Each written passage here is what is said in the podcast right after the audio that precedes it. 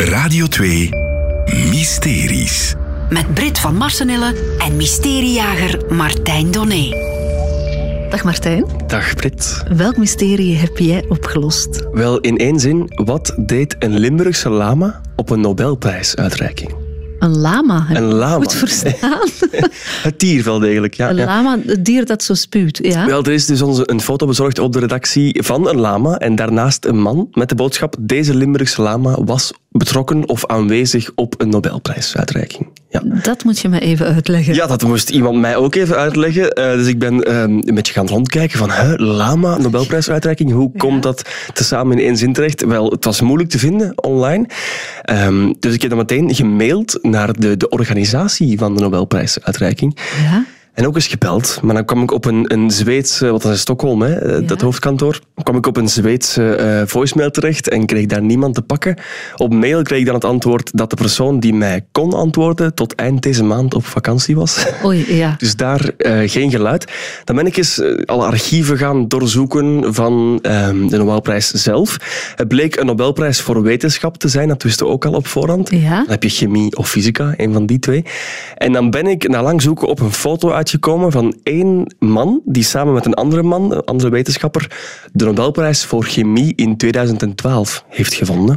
En dat bleek dezelfde man te zijn als de man die op die ene foto daar stond naast die lama. Naast die lama. Oké. Het ging om Brian Kobilka, dat is een Amerikaanse wetenschapper. En die heeft samen met Robert Lefkowitz, als ik dat juist uitspreek, een Nobelprijs voor chemie gewonnen. Ja? Nu, waarom? Ik kan het je niet herhalen, het is veel te moeilijk. Ik snap er niks van.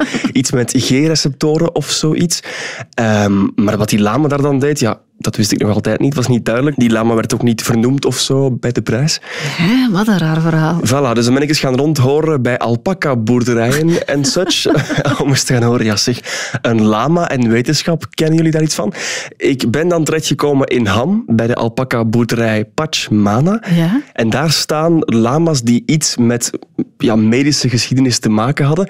Nu, over die ene lama daar die een Nobelprijs had gewonnen, konden ze mij daar niks vertellen. Wel over, het is iets met antistoffen, blijkbaar. Dat lama's daar iets mee te maken hebben. Zijn we uitgekomen bij Xavier Salens. Dat is een professor microbiologie eh, aan de Universiteit van Gent.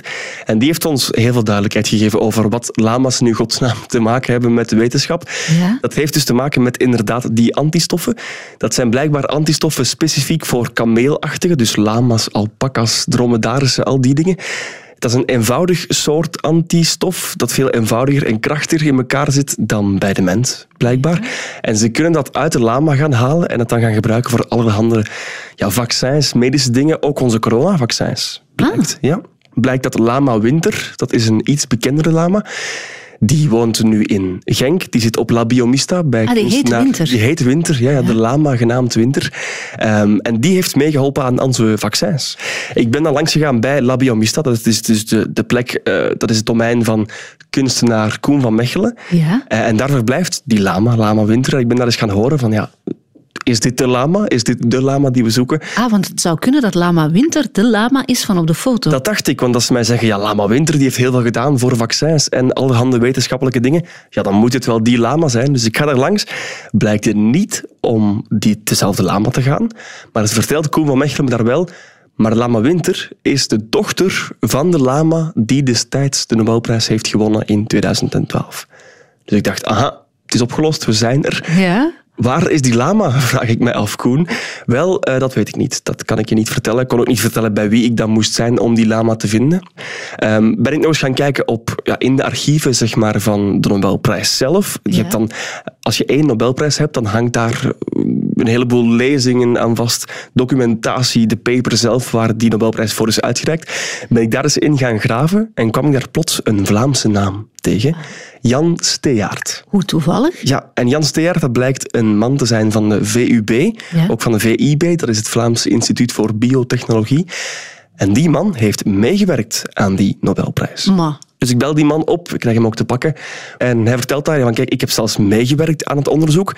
Ik was erbij toen we het bloed van die lama, waar het om gaat, eh, onderzocht. Dus hij heeft ook eigenlijk een klein stukje Nobelprijs gewonnen. Eigenlijk wel, hij was aanwezig op de uitreiking ook, was Ah, daar ja, in kostuum en al. Er zijn ook foto's van, samen met die Brian Kobilka dus. Maar hij staat niet op de foto met de lama. Nee. Nu, hij kon wel vertellen dat die lama Lama Pipet heet. En is Lama Pipet de mama van Lama Winter? De papa. De zelfs. papa? Ja, dus Lama Pipet is de papa van Lama Winter. En beide hebben dus bijgedragen aan wetenschap op een of, een of andere manier. Eh, de ene dus bij coronavaccins, de andere bij die Nobelprijs. Dat had dus te maken met G-receptoren en zo. Vraag me opnieuw niet wat dat juist was. Maar goed, beide lama's hebben dan toch iets wetenschappelijk. Dan dacht ik, ja, het is bij deze opgelost. Maar dan wilde ik nog weten, waar is Pipet dan Ja. eigenlijk? Dus ik ben opnieuw beginnen rondhoren. Blijkt dat er eigenlijk heel weinig lama's zich in België bevinden. Hoe oud wordt een lama ongeveer? Vroeg ik mij ook af toevallig. Eh, wel 20 tot 25 jaar, Ah, dat is blijkbaar. oud. Dus die zou er nog moeten zijn. We wisten van Jan Steyaert dat hij ergens in Limburg van zijn pensioen aan het genieten was. Eh, ben ik via de wetenschap een beetje gaan rondhoren bij alle mensen die iets te maken hebben met biologie en dan misschien ook dieren en zo. En na lang zoeken ben ik bij iemand uitgekomen, eh, iemand uit een mol. En die bleek de enige persoon die wist waar Pipet was. Dus ik vroeg, ja, mag ik weten waar? Ik wil daar graag langs, eh, gaan. Eh, Pipet even ontmoeten, want dat is toch wel een heel speciale lama blijkbaar. Ehm, maar kijk, ze heeft dan gebeld naar de boerderij waar de lama stond. En die mensen wilden liever anoniem blijven. Vertelde me wel dat ehm, Pipet 12 jaar is intussen en al acht jaar geniet van eh, zijn pensioen. Ja. Dat hij niets meer met wetenschap te maken heeft intussen, maar wel dekhengst is. Dus Oh toch ja. niet helemaal pensioen dan. Eh, dus produceert aan de lopende band lama's op dit moment. Dat is een leuk pensioen. Voilà, lama's die al dan niet misschien ooit nog ook iets met wetenschap zullen te maken hebben. Maar dat is afwachten. Dus lang leven Lama Pipet en lang leven Lama Winter. Ongelooflijk. Straf. Meer mysteries? Volg alles in de Radio 2-app.